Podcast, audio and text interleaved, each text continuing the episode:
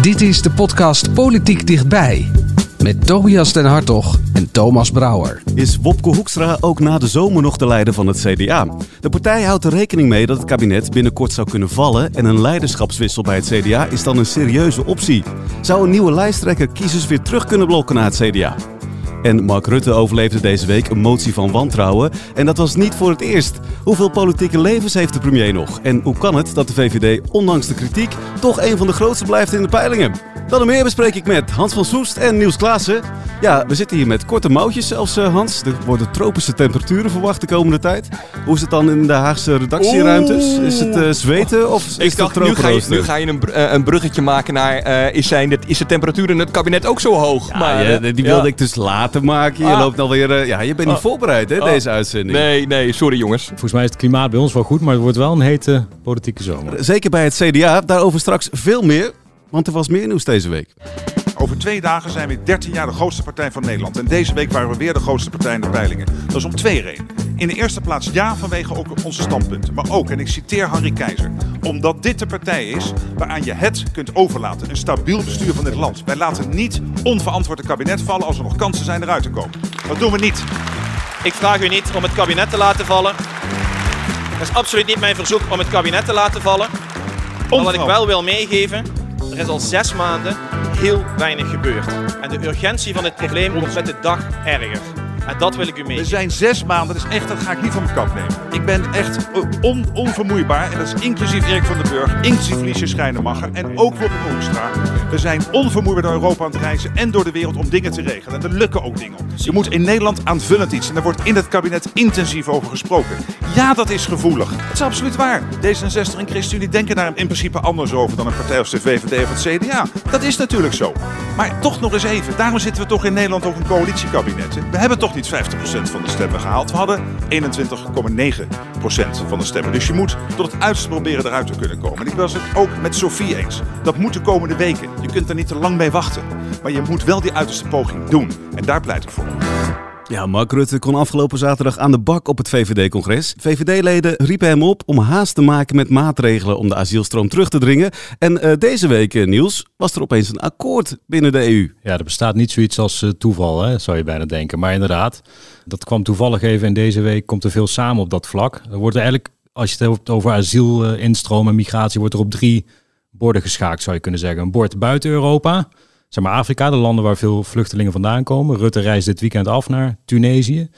Binnen Europa wordt er geschaakt. En dat is eh, gisteravond heeft dat geleid tot wat mensen noemen een doorbraak. En in Nederland wordt er geschaakt op een bord om als coalitie onderling afspraken te maken over het beperken van de instroom. Dus ja, het wordt wel als een succes beschouwd wat er donderdagavond eh, in Luxemburg is afgesproken. Want Ja, wat is er dan precies afgesproken? Ze hebben eigenlijk de afspraak gemaakt om strenger te zijn aan, aan de voordeur, aan de poort van Europa. Door daar eh, de kansrijke asielzoekers meteen te scheiden van ja, de kansloze asielzoekers uit die zogenoemde veilige landen. En zelfs ja, vast te Het woord wat je daaraan kan geven varieert. Sommigen noemen het grenskampen, waar je gezinnen in gevangen houdt. Anderen zeggen tijdelijke locaties waar je mensen in het oog kan houden. Nou ja, het is maar wie je spreekt hoe ze dat noemen. En daar willen ze eigenlijk die filter aanbrengen. En dus die groep kansloze asielzoekers daar vasthouden en heel snel terugsturen naar het land van herkomst of land van doorreis. En dan vervolgens die asielzoekers die wel mogen blijven, of waarschijnlijk wel mogen blijven, veel eerlijker verdelen over Europa. Ja, daar wordt al jaren over geëmmerd. En men noemt dit nu een belangrijke doorbraak, omdat er toch blijkbaar eensgezindheid over is. Ja, alle 27 eh, zijn ze daar nu dus eh, over eens. Het is nog niet helemaal definitief, hè? Want het Nee. moet nog langs eh, de Europese... Ja, parlement. En die dan in conclaaf moeten met, met die lidstaten. Want niet alle lidstaten zijn hiervoor. Maar nou ja, Van den Burg noemde het, hij zei het, dit scheelt niet een slok op een borrel, maar een paar hele glazen. Dus blijkbaar is dit wel waar hij, en hij is er toch al jaren druk mee, van zegt van hier kunnen we wel mee gaan werken. En je ziet het ook wel in de reacties in de coalitie. Hè. Tuurlijk, hè, ChristenUnie denkt echt wel anders over eh, migratie en asiel dan, eh, dan de VVD. Maar toch zie je al die woordvoerders ja, tevreden reageren op wat er nu ligt. Dat zal ook bij Rutte het geval zijn. Maar die kijkt denk ik vooral uit naar Tunesië. Ja, want dit Europese akkoord is natuurlijk niet de oplossing voor eh, die de VVD voorstaat. Dit Europese akkoord zou moeten regelen, als het allemaal eh, zo doorgaat, dat asielzoekers die mogen blijven in Europa eerlijker over alle lidstaten worden verdeeld. Wat ze natuurlijk vooral willen, is dat voordat die mensen naar Europa komen, dat ze daar al worden tegengehouden. En in het verleden heeft Rutte of heeft de Europese Unie uh, waar Rutte toen ook al een warm pleitbezorger voor was, een soortgelijke deal gemaakt met Turkije. Hè, de beroemde Turkije-deal, die alle vluchtelingen die uit Syrië kwamen daar hield. Nou, een soortgelijke deal daar pleit Rutte al heel lang voor uh, moeten komen met Noord-Afrika. heel veel vluchtelingen komen via Tunesië. En Europa gaat nu komende zondag uh, naar Tunesië om te kijken of er zo'n soort deal kan worden gemaakt. En is zo'n deal dan echt een ideaal scenario? Want je hoort toch ook altijd dat Europa in de tang zit bij Erdogan van Turkije? Nou ja, die landen doen dat niet gratis natuurlijk. Uh, Erdogan die wilde daar wel wat voor terug. Die wilde er onder andere geld voor terug. Die wilde er invloed voor terug. Ja, dat kun je in de tang uh, nemen noemen. je kunt ook zeggen, ja, zo werkt politiek. Ja. En Tunesië zal het ook niet zeggen van, oh willen jullie dat Europa? Tuurlijk joh, dan vangen wij al die mensen hier toch op. Nee, ook Tunesië zal daar iets voor terug willen. Tunesië wil betere handelsakkoorden. Tunesië zal geld willen. Ja, het is dealing, dat, dat hoort erbij. dealing with dictators uh, erg genoeg soms. Maar er zitten nog wel wat haakjes, ook in dit akkoord trouwens in Europa. Hè, wat, als dat doorgaat, bijvoorbeeld over het ja, al dan niet opnemen van minderjarige uh, alleenreizende asielzoekers in die grenskampen of centra voor een opvang, hoe je ze ook wil noemen. Want nu is er een soort compromis uitgerold waarbij gezinnen wel daar mogen vast worden gehouden, dus met kinderen en ouders, maar de alleenreiziger niet. Hè? Vooral als ik het goed begreep van collega Hans Nijhuis in Brussel had Duitsland dat daartoe aangedrongen van ja, we gaan toch geen kinderen vastzetten. Nou, dat is ook uit het akkoord gebleven. Maar ja, wat biedt dat voor een perverse prikkel voor bijvoorbeeld een mensensmokkelaar. Ja. Nou ja, nu al wie zie je inderdaad. wie stuur je dan die zee over als je weet dat die niet vast wordt gezet? Dus dat kan ook weer leiden tot hele nare humanitaire situaties, terwijl je dat juist probeert te voorkomen. Ja, dat is natuurlijk niet van gisteren het probleem, maar dit zit ook weer in deze deal. Uh... Nou ja, en dat is niet zomaar, uh, Niels, want de IND waarschuwt nu al dat ze een enorme stijging uh, zien van het aantal minderjarige asielzoekers in Nederland die vooruit worden gestuurd, die meer kans hebben om hier te mogen blijven, waarna het gezin overkomt. Ja, het is inderdaad een perverse prikkel. Het nieuw hoofdstuk dan voor Mark Rutte. Die had toch al een, een heftige week. Dinsdag en woensdag werd hij in de Tweede Kamer ja, scherp ondervraagd over de aardgaswinning in Groningen. Volgens de oppositie had Rutte veel eerder moeten ingrijpen om die gaswinning te verminderen. De belangen van Groningen zijn structureel genegeerd. Geld ging boven Groningers. En de minister-president heeft niet het verschil gemaakt. Wat dit laat zien is dat de hele politieke cultuur, het hele systeem wat was opgebouwd, daar waren niet die ambtenaren voor verantwoordelijk, maar de politieke top. Die ambtenaren hebben eh, uitvoering gegeven aan iets wat jarenlang de gewoonte was in Den Haag. Oppompen wat we kunnen oppompen. En ik wil dat de minister-president niet zegt, ja dat is heel erg. Tuurlijk is dat heel erg. Dat hij daar zijn volle verantwoordelijkheid voor neemt. Zegt, dat is daar misgegaan. Dank u wel. Dat was het moment waarop we hadden moeten ingrijpen. En ik wil het zo ronduit van deze minister-president horen. Ja, het duurde twee dagen dat debat, Hans. Wat viel jij nou vooral op? Uh, wat vooral opviel was twee botsende werelden tijdens dat debat. Het kabinet heeft in reactie op het parlementaire enquêterapport een groot plan gepresenteerd. Miljarden euro's aangekoppeld zijn om de problemen in Groningen sneller en beter op te lossen. Om ook te investeren in de toekomst van Groningen. En daar ging het debat eigenlijk amper over. Dit debat ging, en dat is op zich ook wel terecht na een parlementaire enquête, vooral naar de, over de politieke verantwoordelijkheid van wat er mis is gegaan in Groningen. En wat je dan ziet is, en dat bedoelde ik met twee botsende werelden, is dat de oppositie heel erg zat op, ja, uh, er zijn grote fouten gemaakt in het verleden. Daar moet iemand politieke verantwoordelijkheid voor nemen. Ook de oppositie vond niet dat alles de schuld was van Mark Rutte. Maar ze zeiden wel van ja, hallo. Uh, in Nederland hebben we toch zoiets als politieke verantwoordelijkheid. Er zijn dingen misgegaan. Nou ja, er werd bijvoorbeeld in de fragmenten die je laat horen gerefereerd aan in dit geval 2013. Toen waren de eerste signalen er geweest dat er moest worden geminderd met de aardgaswinning, omdat dat uh, van invloed was op de bevingen in Groningen. En in, juist in dat jaar ging de aardgaswinning juist omhoog. Overigens Vanaf daarna is de aardgaswinning heel snel uh, naar beneden gegaan. Maar zeker in 2013 zijn er echt dingen misgegaan. Problemen zijn te laat onderkend.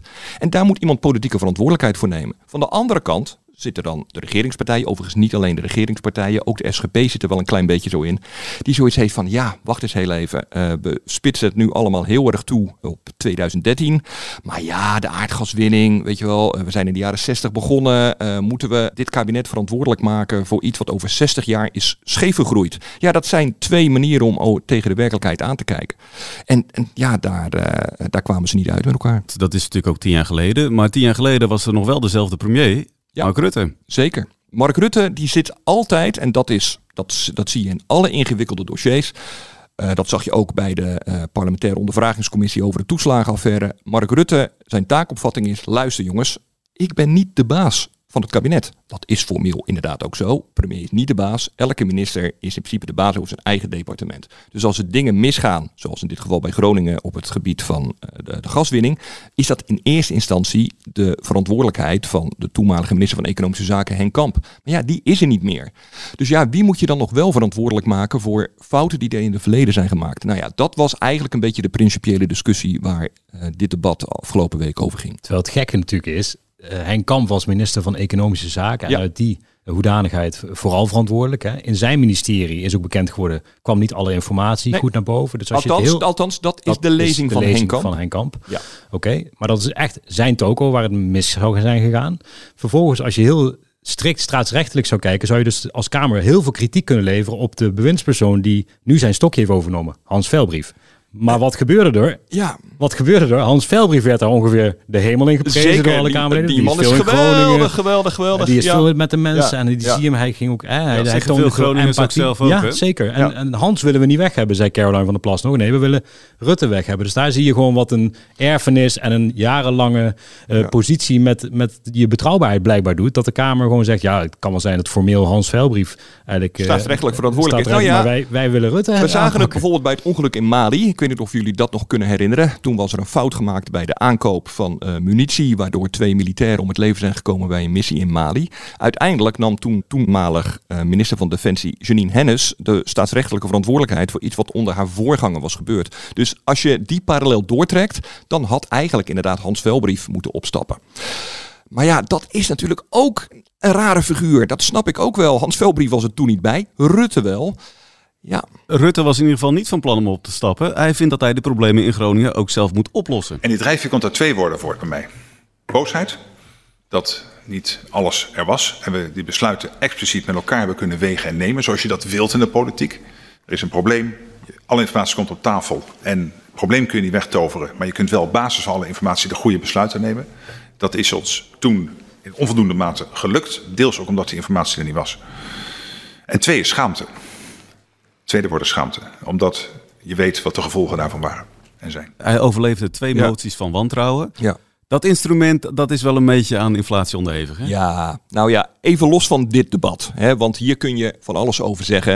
Het is natuurlijk volkomen logisch dat er een motie van wantrouwen wordt ingediend. eh, als er zulke grote dingen in het verleden zijn misgegaan. Dat is op zich niet gek. Als je naar die 97 moties van wantrouwen die je tegen Rutte of andere leden van het zijn vier kabinetten de afgelopen, in de 13 afgelopen- jaar, ja, precies. ja, 13 jaar zijn ingediend, dan zitten daar ook best wel veel onzin moties van wantrouwen tussen. Het is echt wel een, een middel geworden voor eh, sommige oppositiepartijen om gewoon eh, het nieuws te halen en eh, een filmpje te kunnen maken, om aan een achterban te laten zien, kijk ons eens even lekker kritisch zijn. Heel veel van die moties van wantrouwen die halen echt amper stemmen. Ze zitten er zelf ook wel een beetje mee. Want bijvoorbeeld Van der Ja. Plas, die is vrij nieuw hè, in het parlement. Die zei ook van, ja, we hadden het daarover. Want eh, collega Wouter maakte een verhaal over dat aantal moties en de, de inflatie. En die zei ook, ja, ik moet wel toegeven, zei ze, dat er soms een motie hierin gediend wordt. Dat, dat zij dan ook als oppositiepartij denkt, ja, dit is alleen maar bedoeld om Ja. Eh, een schop uit te, uit, uit te delen. En even hopen Ja. op nieuwe verkiezingen. Toen zei ze, maar ja, aan de andere kant zei ze, ik ga hem wel gewoon steunen als hij terecht is. Ja. En er gaat ook gewoon Nee, heel veel mis, ja, en het zij. probleem is dus wel, en dat hebben eh, die, die motie-inflatie heeft daar wel voor gezorgd, is dat als er een motie eh, een keer wel terecht is, zoals afgelopen week in het Groningen-debat, ja, het dus minder indruk maakt. Er waren best veel oppositiepartijen, lang niet alle oppositiepartijen deden mee aan de stemming, dus er was bij lange na geen meerderheid voor. Eh, dat vond ik ook eigenlijk wel heel raar van de oppositie, Ja. dat ze de motie van wantrouwen in stemming brachten op een moment dat heel veel oppositiepartijen helemaal niet meer in huis waren. Eh, dus ze wisten gewoon dat daar is na- nou ja, het was eh, woensdagavond eh, laat. Eh, heel veel oppositiepartijen deden niet eens mee aan het debat. Forum voor Democratie deed niet mee aan het debat. Eh, Denk deed niet mee Is aan dat het niet debat. raar bij zo'n grote... Nou ja, zeker kleinere partijen eh, die, die kijken, naar, ja, die kijken Nou ja. naar wat, eh, wat ze belangrijk vinden. Eh, overigens kwam Denk nog wel terug voor de stemming. Maar bijvoorbeeld Forum niet. SGP was dan weer weggegaan voor de stemming. Ook heel gek. Dus er was bij, het was bijvoorbeeld duidelijk dat die motie van wantrouwen geen eh, meerderheid zou halen. Maar goed, daar ging het niet over. Het ging over die motieinflatie. Daardoor, zelfs als een motie dus wel zinnig is, ja, heeft het toch minder impact. Wat in ieder geval wel De duidelijk is, doodzonde. en dat, Ja. dat blijkt deze week ook weer, is dat een groot deel van de oppositie echt klaar is met Mark Rutte. Ja. Tegelijkertijd, hij zit er al 13 jaar. Mhm. En eh, als je kijkt naar de peilingen, gaat het nog best goed met de VVD. Nou ja, er is een meerderheid in de Kamer die hem dus nog steunt. En ja, ehm, hij is als je gewoon, in zover is het natuurlijk ook wel een, een, een, een afspiegeling gewoon van het electoraat. Want ja, de regeringspartijen, die willen ook niet dat, die hebben de meerderheid ook onder de kiezers. Ja, die willen niet dat het kabinet valt. En onder de VVD kiezers is Rutte nog steeds heel populair. En dat wordt nog wel eens vergeten natuurlijk. Ik bedoel, in talkshows zien we vooral altijd de mensen die heel veel kritiek op hem hebben.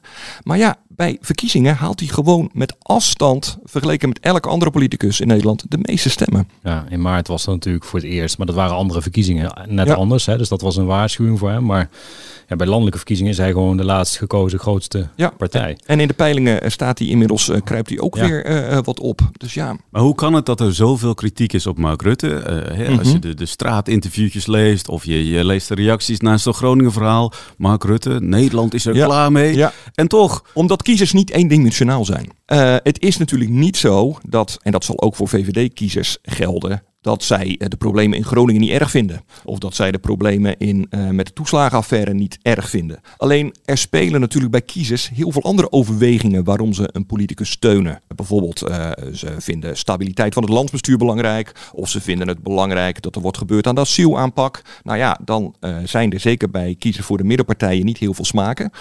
Dus er zijn meerdere redenen waarom mensen hun, keuze bepalen bij verkiezingen. Um, dus ja, dat verklaart ook waarom je in de media en op sociale media heel vaak hoort van oh, Rutte moet weg en Nederland is klaar met hem. Maar Nederland, ja, dat is natuurlijk niet waar. Er is niet een Nederland. Er zijn 17 miljoen kiezers die allemaal een eigen afweging maken. Ik ben wel benieuwd, hè, ondanks natuurlijk die, dat draagvlak wat je zegt terecht, hè, nog steeds groot is, ook in die laatste peiling. Ik ben wel benieuwd wanneer hij zelf vindt, als, gewoon als politicus, en hij wil graag oplossingen uh, bereiken, wanneer hij zelf vindt dat dat wantrouwen, of het nou strategie is van Jesse Klaver om hem te beschadigen, of dat het nou echt wantrouwen is van het CDA-kamerlid dat heel kritisch is. Wanneer hij gaat denken van ja shit, ik ben hier urenlang alleen maar bezig ja. met uitleggen dat ik het wel goed bedoel, want dat gebeurt natuurlijk tijdens het debat. Ja, zo draag ik misschien ook niet bij aan de snelste oplossing. Dus dat is wel een bedreiging Zeker. voor nou ja, zijn, dat moment... voor zijn voor, ja, wat ik bedoel zeggen, het is echt een bedreiging voor zijn bestuurskracht en kracht als premier. Hè? Dus als iedereen op een gegeven moment gaat zeggen, joh, uh, wat jij ook zegt, ik geloof je niet, mot niet, en of dat nou ja. gespeeld is of eigenlijk, ja, dan wordt het wel lastig. Zeker. En dat moment komt natuurlijk wel met rassenschreden dichterbij. Kijk, Mark Rutte die heeft tot nu toe altijd de verkiezingen gewonnen. Doordat hij kiezers ervan kon overtuigen van jongens, ik ben hier om jullie problemen op te lossen. He, uh, stop al dat politieke gelul. Uh, uh, hij, hij, ging letterlijk de verkiezingscampagne in door te zeggen: stem niet op de schreeuwers, maar stem op de doeners. En daar bedoelde hij zichzelf mee. Hè? Gewoon mensen die met een poot in de klei staan, die de problemen aanpakken en die hun best doen en compromissen proberen te sluiten in dit lastige politieke landschap. Want dat is natuurlijk ook zo. De politiek is sterk verdeeld en versplinterd. En daar heeft hij altijd heel veel credits voor gekregen. Mensen hadden zoiets van ja, wie anders. Maar ja, mensen zien ook wel na 13 jaar Mark Rutte dat heel veel problemen niet zijn opgelost. Ja, en het moment dat kiezers denken van ja, uh, uh, Rutte, jij zegt wel elke keer laat mij uh, de problemen oplossen, maar de problemen worden niet opgelost.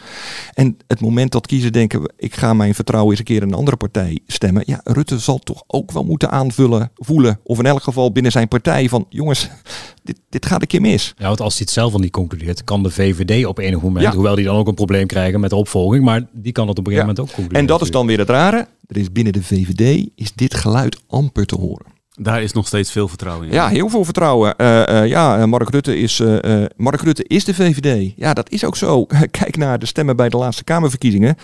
bijna alle stemmen op de VVD waren voor Mark Rutte, niet voor andere Kamerleden. En voorlopig zijn ze dus ook nog niet van plan om de coalitie of het kabinet te laten vallen. Dus voorlopig is, is een nieuwe verkiezing of een nieuwe stemming ook helemaal niet aan de orde. Tenzij ze er niet uitkomen met asiel. Want we hebben het net gehad over uh, dat er een deal gloort in Europa. We hebben het net over gehad dat er mogelijk een deal gloort buiten Europa, hè, zoals Niels het zei, met uh, een Tunesië-deal, wie weet. Maar er moet dus ook nog iets anders gebeuren. En dat is dat de VVD-achterban, en zeker de VVD-Tweede Kamerfractie, Sophie Hermans is er vrij duidelijk over geweest, wil dat de Nederlandse asielregels strenger worden. Als je kijkt naar het aantal asielverzoeken wat in Nederland wordt goedgekeurd en je vergelijkt dat met andere landen, dan ligt dat hier significant hoger. En dat ligt heel gevoelig om die regels aan te scherpen bij uh, coalitiepartijen uh, ChristenUnie en uh, D66. ChristenUnie had afgelopen weekend, vorig weekend moet ik zeggen, nog een partijcongres waarin partijleider Mirjam Bikker onomwonden zei: 70.000 asielzoekers uh, verzoeken dit jaar, uh, dat moeten we aankunnen. Ja, dat is wel een hele grote kloof met wat de VVD wil. Als je het hebt over die twee planeten waar je het eerder, eerder over had, die zijn, dit waren natuurlijk ook twee totale verschillende universums. Dat de een een probleem vindt Namelijk veel asielzoekers, zegt de ander, uh, wir, wir schaffen das.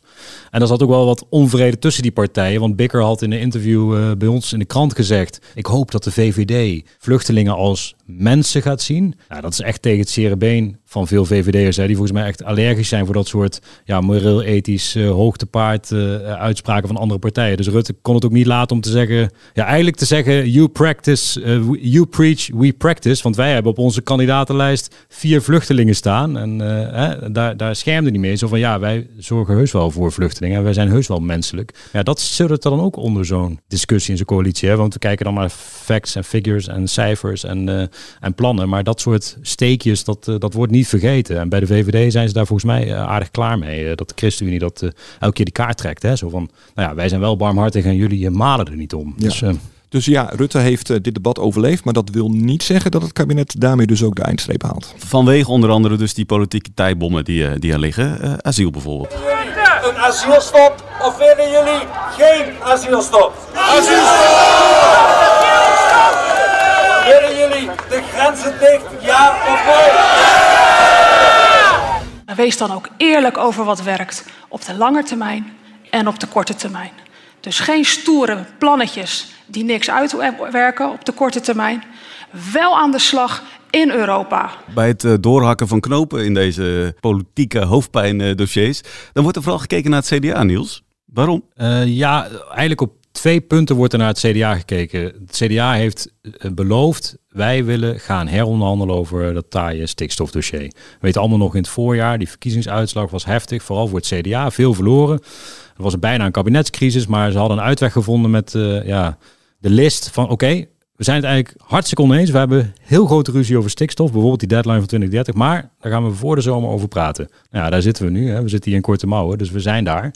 Dus dat wordt de komende weken ergens wordt die kaart op tafel gelegd. Van we moeten heronderhandelen over stikstof. Dat is gewoon een bedreiging voor de stabiliteit van het kabinet. En dan heb je nou, dat hebben we al besproken, het hele asielverhaal wat je in het binnenland nog op één lijn moet krijgen. Dus dat zijn twee grote landmijnen, zeg maar, waar je rond moet manoeuvreren als kabinet. Ja. En zijn de uitnodigingen voor die uh, gesprekken al Nee, verstuurd? nee.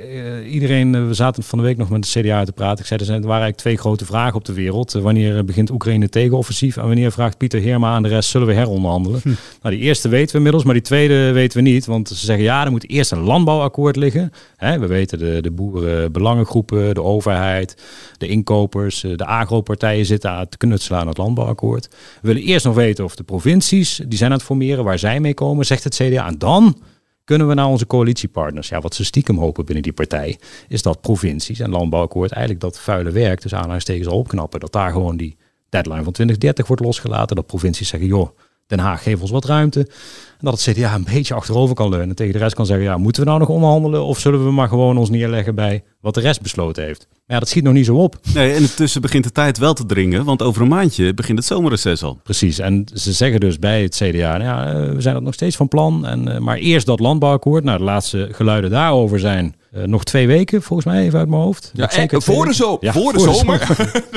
Dus, dus dat wordt echt zo. Ja. Er komt op een gegeven moment zo'n punt waarbij dit allemaal samenkomt. Ja, dan... Uh, en als dat nou niet samenkomt, dat het gewoon niet lukt om dat voor de zomer te doen, wat dan? Nou ja, dat is eigenlijk een, de blessing in disguise. Volgens mij kan dat gewoon. Volgens mij is die deadline zowel bij uh, het asieldossier als bij het landbouwdossier. Het is niet zo dat er als, als jij 1 juli geen, geen nee, briefje getekend nee. hebt, dat, je, dat er een soort luik onder je wegvalt, nee. dat je allemaal het is een fluïde, Het is een fluïde uh, deadline. Ja. Die nog de hele zomer kan worden doorgeschoven. Maar uiteindelijk, ja, na de zomer, als, ja. um, zal er toch iets moeten liggen. Nou, ze willen het ook wel. En volgens mij zeker bij migratie en asiel heeft de VVD zelf die deadline wat scherper gesteld door vorige week te stellen. Hè, in dat, die dialoog met die leden van nou, de komende weken en voor de zomer en we gaan niet op vakantie tot. Nou ja, dan heb je voor jezelf die druk al opgevoerd. CDA heeft dat ook bij stikstof gedaan. Afdelingen verwachten dat ook van het CDA.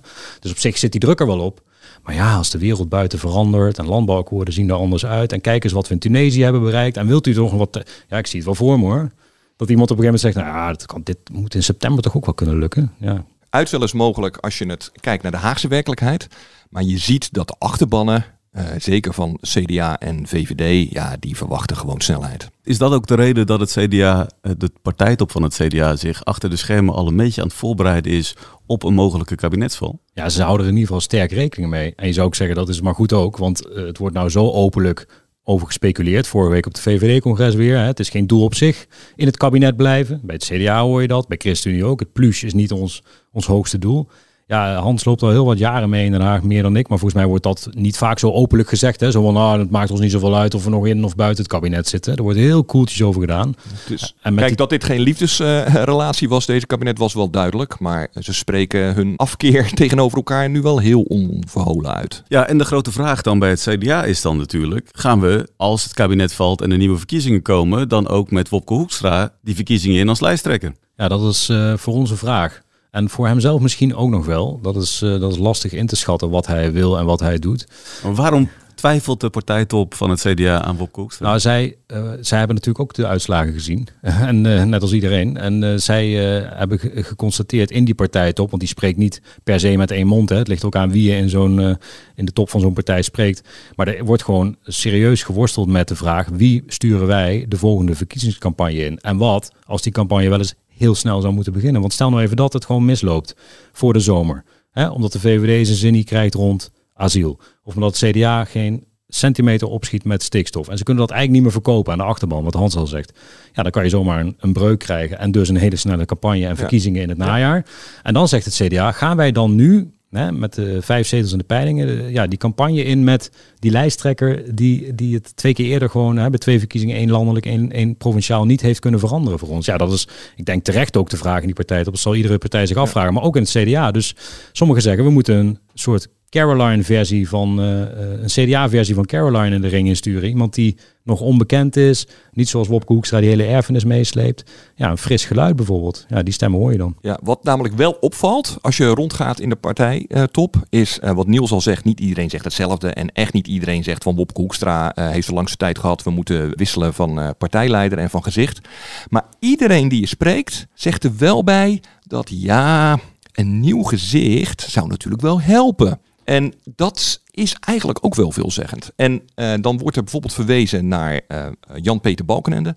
Eh, in, wat was het, einde van Paars 2 stond CDA er ook belabberd voor in de peilingen. Niemand kijkt eigenlijk, leek, gaf meer een cent om de kansen van het CDA. En toen kwam er ineens vlak voor de verkiezingen, out of the blue, een volkomen onbekend nieuwe lijsttrekker. En die, die maakte de partij ineens de grootste. En de mensen dachten ineens, oh, nieuw gezicht, eh, daar zet ik mijn eh, vertrouwen in. En die maakte het, nou ja, we weten het, hij is acht jaar premier geweest. Ja, werd nog herkozen ook. Ja, hij werd nog Ja. herkozen ook. En hij heeft het dus wat dat betreft hartstikke goed gedaan. En dat scenario, daar beginnen wel heel veel mensen in de partijtop eh, hardop over te dromen. En wat voor nieuwe gezichten moeten we dan denken, eh, Niels? Want jij spreekt het- dus mensen van die partijtop en die, die laten al namen vallen dan? Ja, ze hebben, ze hebben een heel eh, nieuwe lichting op het oog.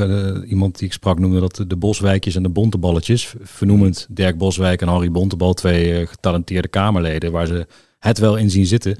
Maar ze, ze hebben een heel lijstje met nieuwe... Ja, volgens mij hebben ze... Het CDA heeft altijd een soort CDA-speak. Die hebben daar eigen term voor. Beelddragers is, dit, is nu de term voor de mensen, de nieuwe lichting. Eh, en dan noemen ze bijvoorbeeld Inge van Dijk, Kamerlid. Eh, ze noemen een heel nieuw Kamerlid... wat van de week hoog, best wel hoge ogen gooide bij het Groningen-debat.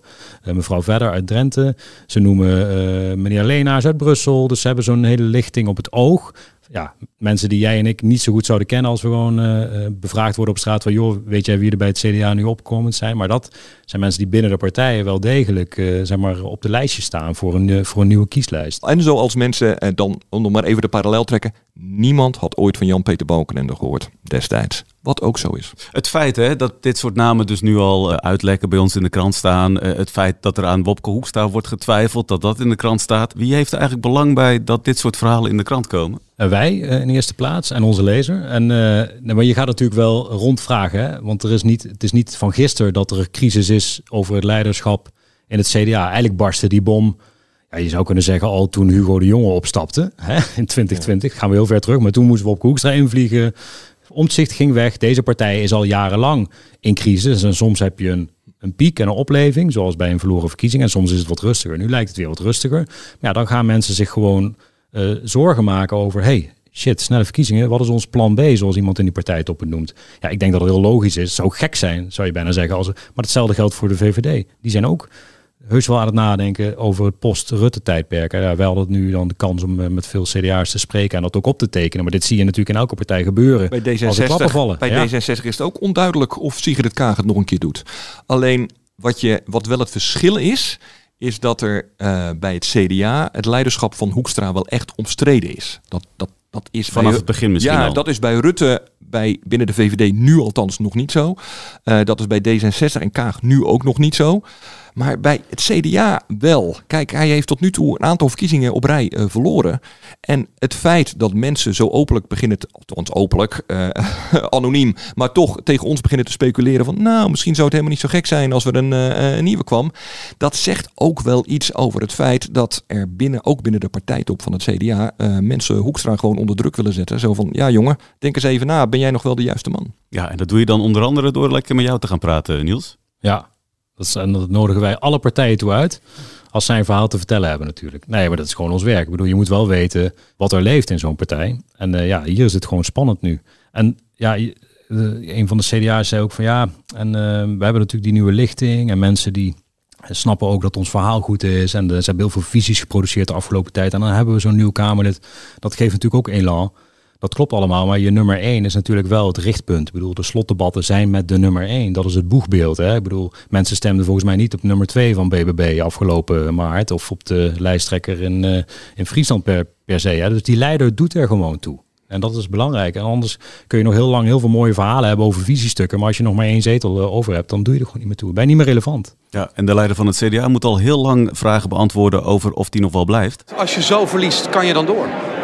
Ja, dat vind ik wel. Sterker nog, ik vind ook dat het mijn plicht is om daarvoor verantwoordelijkheid te nemen. Ik ben eh, twee jaar geleden, ben ik drie maanden voor de verkiezingen ben ik begonnen, heb ik het stokje overgenomen. Is er een dringend beroep op mij gedaan om dit te gaan doen. In de volle wetenschap dat wij een heel lastig parcours voor de, voor de, voor de boeg zouden hebben. Ja, dat blijkt en dat is alleen nog maar lastiger dan we misschien met elkaar hadden verwacht. Maar dat vraagt dus ook van mij en van ons om de schouders eronder te zetten, uh, het vertrouwen te herwinnen. Uh, en daar gewoon keihard voor te knokken. Bent u de juiste man op de juiste plek? Ja, en ik, ik proef daar vanuit de partij ook, uh, ook, ook support op. Maar laten we eerlijk zijn, uh, er moet wel wat gebeuren als er zo'n verkiezingsuitslag komt. met, nou, vorige week ook gezegd, een daverende oorvijg, uiteraard voor het CDA. Maar als je dan kijkt, veel breder voor coalitie- en ook oppositiepartijen. Ja, toen vond Hoekstra zich nog wel de juiste man op de juiste plek. Vindt hij dat nog steeds? Weten we dat? Nou ja, dat is dus het enige waar ik over twijfel. Uh, want ik zei net van, joh, uh, er zijn mensen in de partijtop die hem onder druk probeerden te zetten. Maar wat we dus niet weten, misschien heeft hij zelf die conclusie ook al wel getrokken. Hè? Dat, dat weten we gewoon niet, want hij is een gesloten oester. We begrijpen ook wel eens binnen het CDA, ook voor de mensen om hem heen. Uh, dus ja, dat weten we niet. Ja, het is in ieder geval niet zo openlijk uh, flirten met een afscheid als Sigrid Kaag onlangs deed. Want die was, hè, dat kon, ze, kon je in college tour goed zien hoe zij en haar gezin uh, ja, leiden eigenlijk onder haar functie. Maar dat zie je bij Hoekstra, dat soort uitingen niet. Dus dat is toch wat dat betreft een beetje lastig in te schatten. Het is sowieso nog maar de vraag of er binnenkort überhaupt een nieuwe lijsttrekker nodig is natuurlijk. Want ja. voorlopig is het kabinet er gewoon nog. Zeker. En wie weet zijn de wonderen de wereld nog niet uit. En uh, worden ze het eens over een uh, strengere asielaanpak. Ja, er zijn ook echt hoofdrolspelers. Gisteren spraken we nog met iemand in het kabinet die zei... joh, we hadden voor het voorjaar vier uh, punten op onze lijst. Voorjaarsnota, klimaatpakket, asielpakket en uh, stikstof moeten we over. Nou, volgens mij hebben we twee van de vier hebben we, hebben we afgevinkt. Ja, dat is heel nuchter bekeken. Het klopt. Dat is heel nuchter bekeken. En wat, wat ook als je mensen in het kabinet spreekt, die wijzen ook allemaal over het alternatief. Weet je, wat is dan het alternatief? Uh, als er verkiezingen komen, moeten we na de verkiezingen toch weer als middenpartijen uh, opnieuw met elkaar om de tafel om over dezelfde problemen voor oplossingen te gaan praten. Dus ja, dat is allemaal heel rationeel bekeken, maar politiek is niet alleen ratio. Uh, uiteindelijk is de druk vanuit de partijen, vanuit de achterban van die partijen, die neemt echt toe. En ik moet nog maar zien of uh, dit kabinet inderdaad het eind van het jaar haalt. Als we dan kijken naar volgende week, jongens, wat uh, staat er dan op de planning? Ja, het wordt in ieder geval de komende tijd uh, interessant om te kijken naar de provincies, waar, waar gewoon geformeerd is en waar de eerste akkoorden gesloten zijn. Vrijdagavond in Limburg de presentatie. Uh, waar BBB samen met PvdA in een provinciebestuur uh, plaats zal nemen. Nou, dat zie je in Den Haag niet snel gebeuren als je het over stikstof of landbouw hebt. In de provincie kan het. In Flevoland wordt gesproken te, door, uh, door partijen die willen samen in een coalitie waar on, onder meer PVV en ChristenUnie. Wat een bijzondere combinatie. Ja, ja. Vergelijk dit heel even met de uitspraken van ChristenUnie-leider Mirjam Bikker op het afgelopen partijcongres. Mirjam Bikker vraagt de VVD om vluchtelingen als mensen te zien.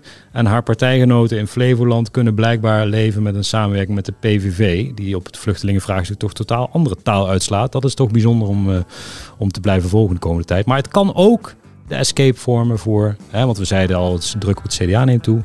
Maar ook uit Limburg hoor je al geluiden. Ja, waarom zouden wij over 2030 gaan praten? Waarom zouden wij over gedwongen onteigening gaan praten als zelfs GroenLinks in onze provincie zegt wij willen niet gedwongen onteigenen? Dus praktisch op de grond, zeg maar, hè, in, het, in de wei zijn de problemen soms minder groot dan in Den Haag. Dus dat, uh, ja, dat zou nog wel interessant zijn als dat uh, de reddingsboei wordt. Tot zover deze aflevering. Vind je dit nou een leuke podcast? Abonneer je dan. Dat kan via Spotify of Apple Podcast. En volgende week zijn we er weer. Tot dan.